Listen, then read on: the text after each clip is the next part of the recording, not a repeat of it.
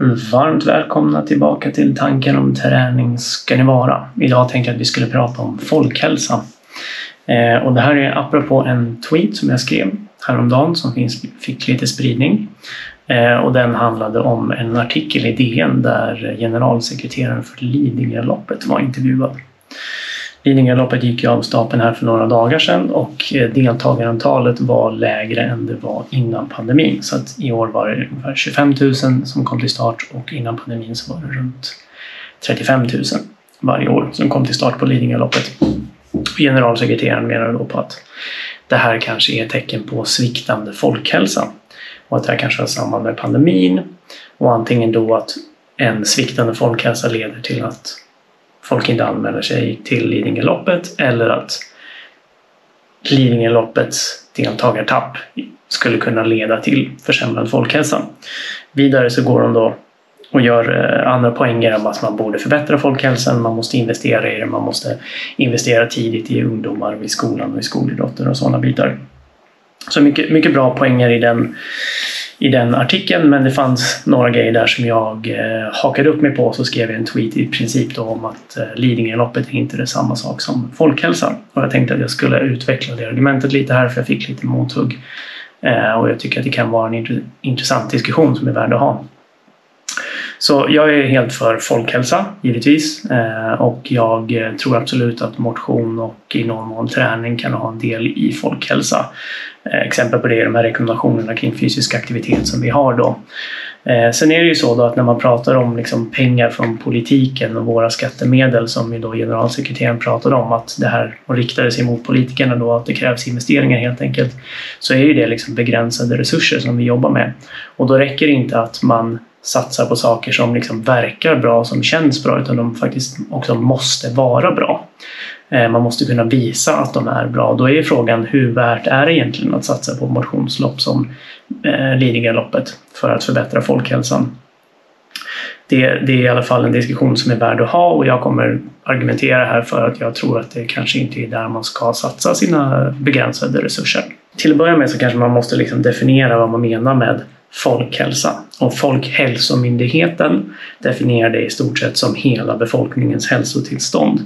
Alltså det handlar inte om någon liten grupp utan det handlar om alla grupper i samhället och man är väldigt noga med att poängtera att det ska vara jämlikt, vilket ju folkhälsan inte är idag. Det är väldigt olikt hur hälsosam man är i samhället beroende på inkomst, utbildning, var man bor, om man tillhör en minoritet och så vidare.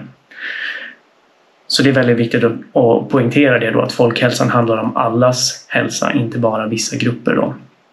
Och här var en del av mothuggen som jag tror att folk hakade upp sig på eller som kanske man blandar ihop saker för att man, man blandar ihop folkhälsa med folks hälsa. För man behöver inte berätta för mig om hur träning eller fysisk aktivitet kan påverka folks hälsa. Jag har ganska mycket kunskap om det och jag brukar prata om det i, i det här forumet och i andra forum och sådär. Så jag tvivlar inte alls på att om man inte tränar alls eller inte rör på sig och så anmäler man sig till exempel till Lidingöloppet och genomför en gedigen uppladdning, genomgår loppet och sen fortsätter träna och röra på sig resten av livet utifrån det så kan, har man bra chans att förbättra sin hälsa jämfört med om man inte skulle gjort det överhuvudtaget. Det är liksom inte kontroversiellt för mig. Det som är kontroversiellt för mig är att bara det att Lidingöloppet finns då, att man eventuellt skulle investera mera resurser i det, gör att vi får folk att träna och att det förbättrar folkhälsan. Det är liksom där jag tycker att det finns en diskrepans. Det finns egentligen inga direkta studier där man har tittat på förekomst av motionslopp och folkhälsa eller till exempel förekomst av motionslopp och hur mycket man rör på sig eller sådana saker. Det finns en del tvärsnittsstudier där man till exempel tittar på Vasaloppsåkare och så tittar man på hur är deras hälsostatus om man jämför med övriga populationen. Då ser man att Vasaloppsåkarna är liksom mer hälsosamma, de lever längre och så vidare. Eh, och det kan ju ha en del att göra med att de åker Vasalopp och liksom tränar för det och sådana här bitar. Det kan ju också ha, göra ganska mycket med deras genetik, att de dras till den typen av aktiviteter, att de har en fysiologi som lämpar sig för det, vilket också gör då att de lever längre och är hälsosamma.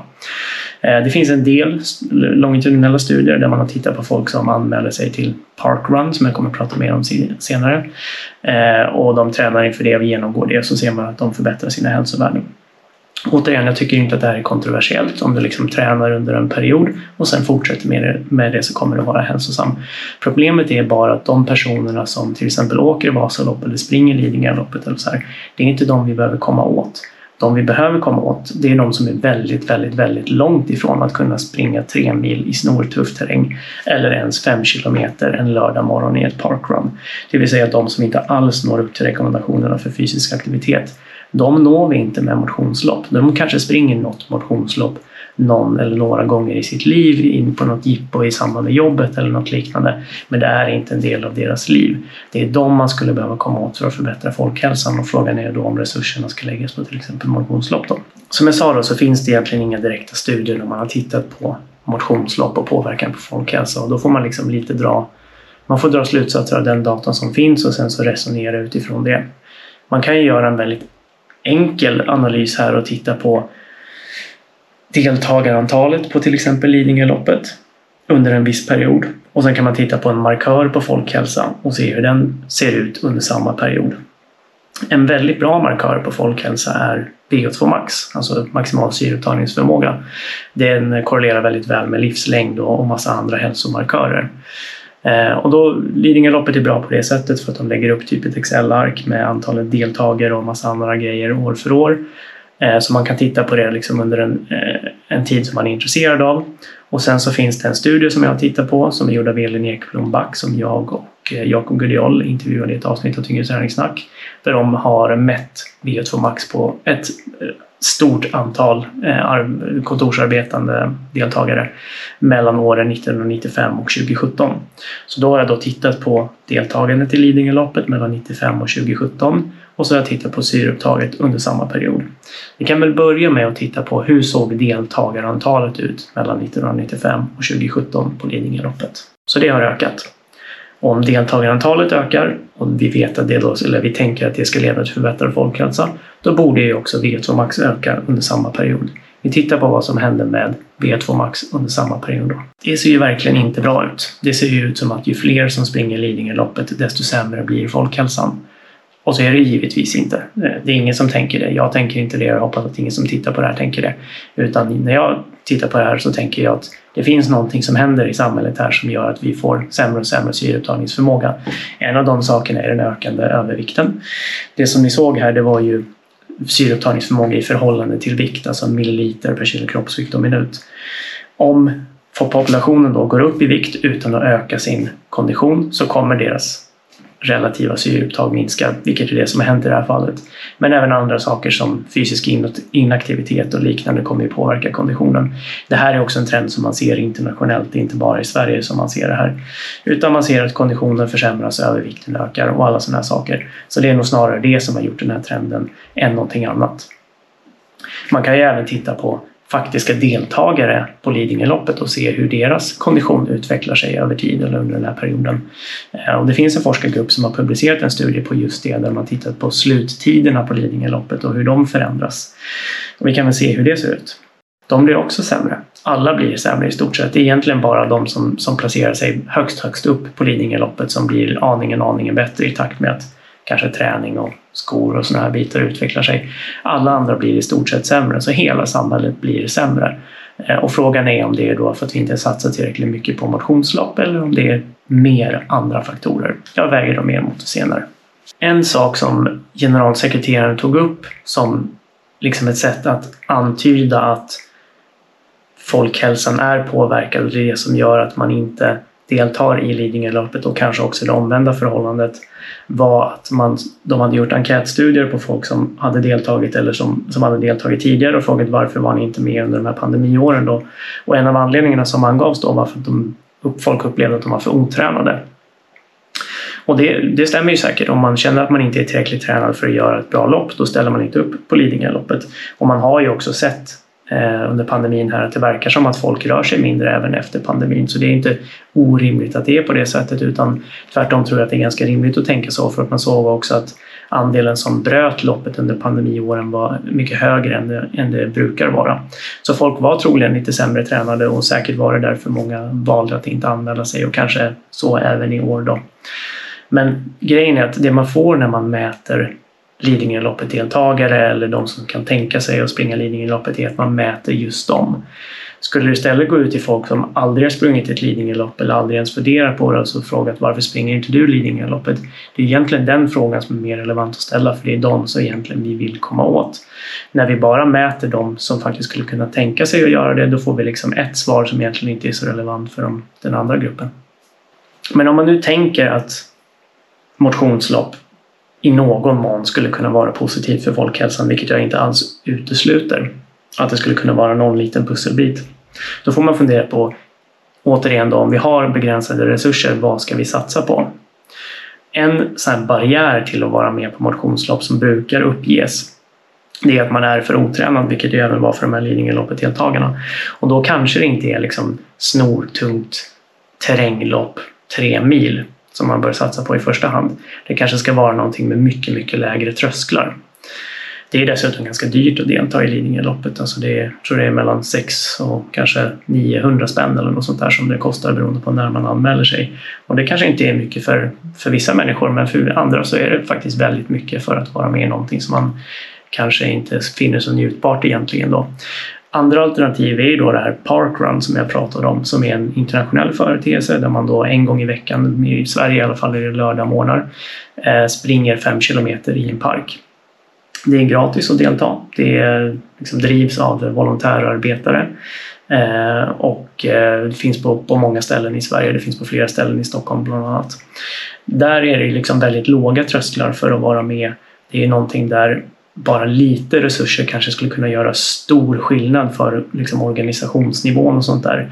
Det är liksom varje vecka, så det är om man blir sjuk och inte hinner träna inför liksom, en viss dag i september så är det inte hela världen för att det kommer en vecka till efter det och sådär. Skulle man lägga pengar på någonting så är det kanske någonting mer den modellen jag tänker på snarare än ett väldigt stort evenemang där ändå en ganska begränsad mängd personer kan vara med. En annan grej som jag vill, verkligen vill understryka här är att jag absolut inte är emot motionslopp utan tvärtom, jag älskar motionslopp. Nu på lördag så hoppas jag springa ett motionslopp om jag inte blir förkyld eller så innan det. Eh, och jag tycker verkligen att det är synd att det verkar som att pandemin har gjort att de har drabbats hårt. Alltså det verkar slå mot, liksom, mot de här stora eh, drakarna som Lidingöloppet och Göteborgsvarvet och vidare. Men kanske framförallt mot de här lite mindre aktörerna, de lite mer nischade loppen och sådär som inte är så resursstarka. Eh, jag, jag har svårt att se att det är så här jättemycket pengar i de här motionsloppen så jag kan förstå att man, om man tappar ett års inkomster, att det är ganska svårt att ta igen det och, och liksom våga satsa på ett år till. Eh, så jag tycker det vore verkligen värt att veta vad som händer med de här människorna som inte anmäler sig igen, som brukar vara med på de här loppen och så. Vad tar de sig till? Rör de sig mindre precis som det verkar vara generellt i samhället? Och hur gör man för att liksom bromsa upp det på något sätt? Som sagt, jag tror för, för en del av befolkningen är det absolut så att de här motionsloppen bidrar till en, en ökad aktivitetsnivå, men det är egentligen inte för de människorna som vi verkligen behöver sätta in resurser. Eh, utan den stora frågan blir då vad ska vi göra för de som aldrig ens skulle kunna tänka sig att göra det här? Är det liksom modellen då att vi ska, att vi ska gå ut i de eh, ställena där, där de här människorna finns och liksom försöka använda andra motionslopp eller finns det andra former av saker som, som är liksom, får större impact för de människorna? Nej, nej, det här är ju inte viktigt egentligen. Det är ju det som är hela poängen. Det, det är knappt intressant heller för att det, det rör så himla få människor egentligen. Alltså de som regelbundet kontinuerligt över en väldigt lång tid springer motionslopp eller cyklar motionslopp eller sådär. Det är en ganska liten andel av människor. Alltså varje år är det ju många som deltar i de här loppen utan tvekan. Men hur många av dem får liksom ett livslångt motionerande av det? Och hur många av dem skulle ändå ha rört sig mycket? Och hur många av dem är liksom de som ligger på gränsen till att nå upp till rekommendationerna och det här är det som puttar dem över gränsen. Jag tror att det är väldigt, väldigt få människor faktiskt. Så innan man börjar titta på den här avenyn av liksom hälsofrämjande aktiviteter så tror jag att det finns väldigt, väldigt många andra saker som man kan lägga resurser på. Det var egentligen mina fem cent här. Jag har inte så himla mycket mer att tillföra. Vi ses när vi ses.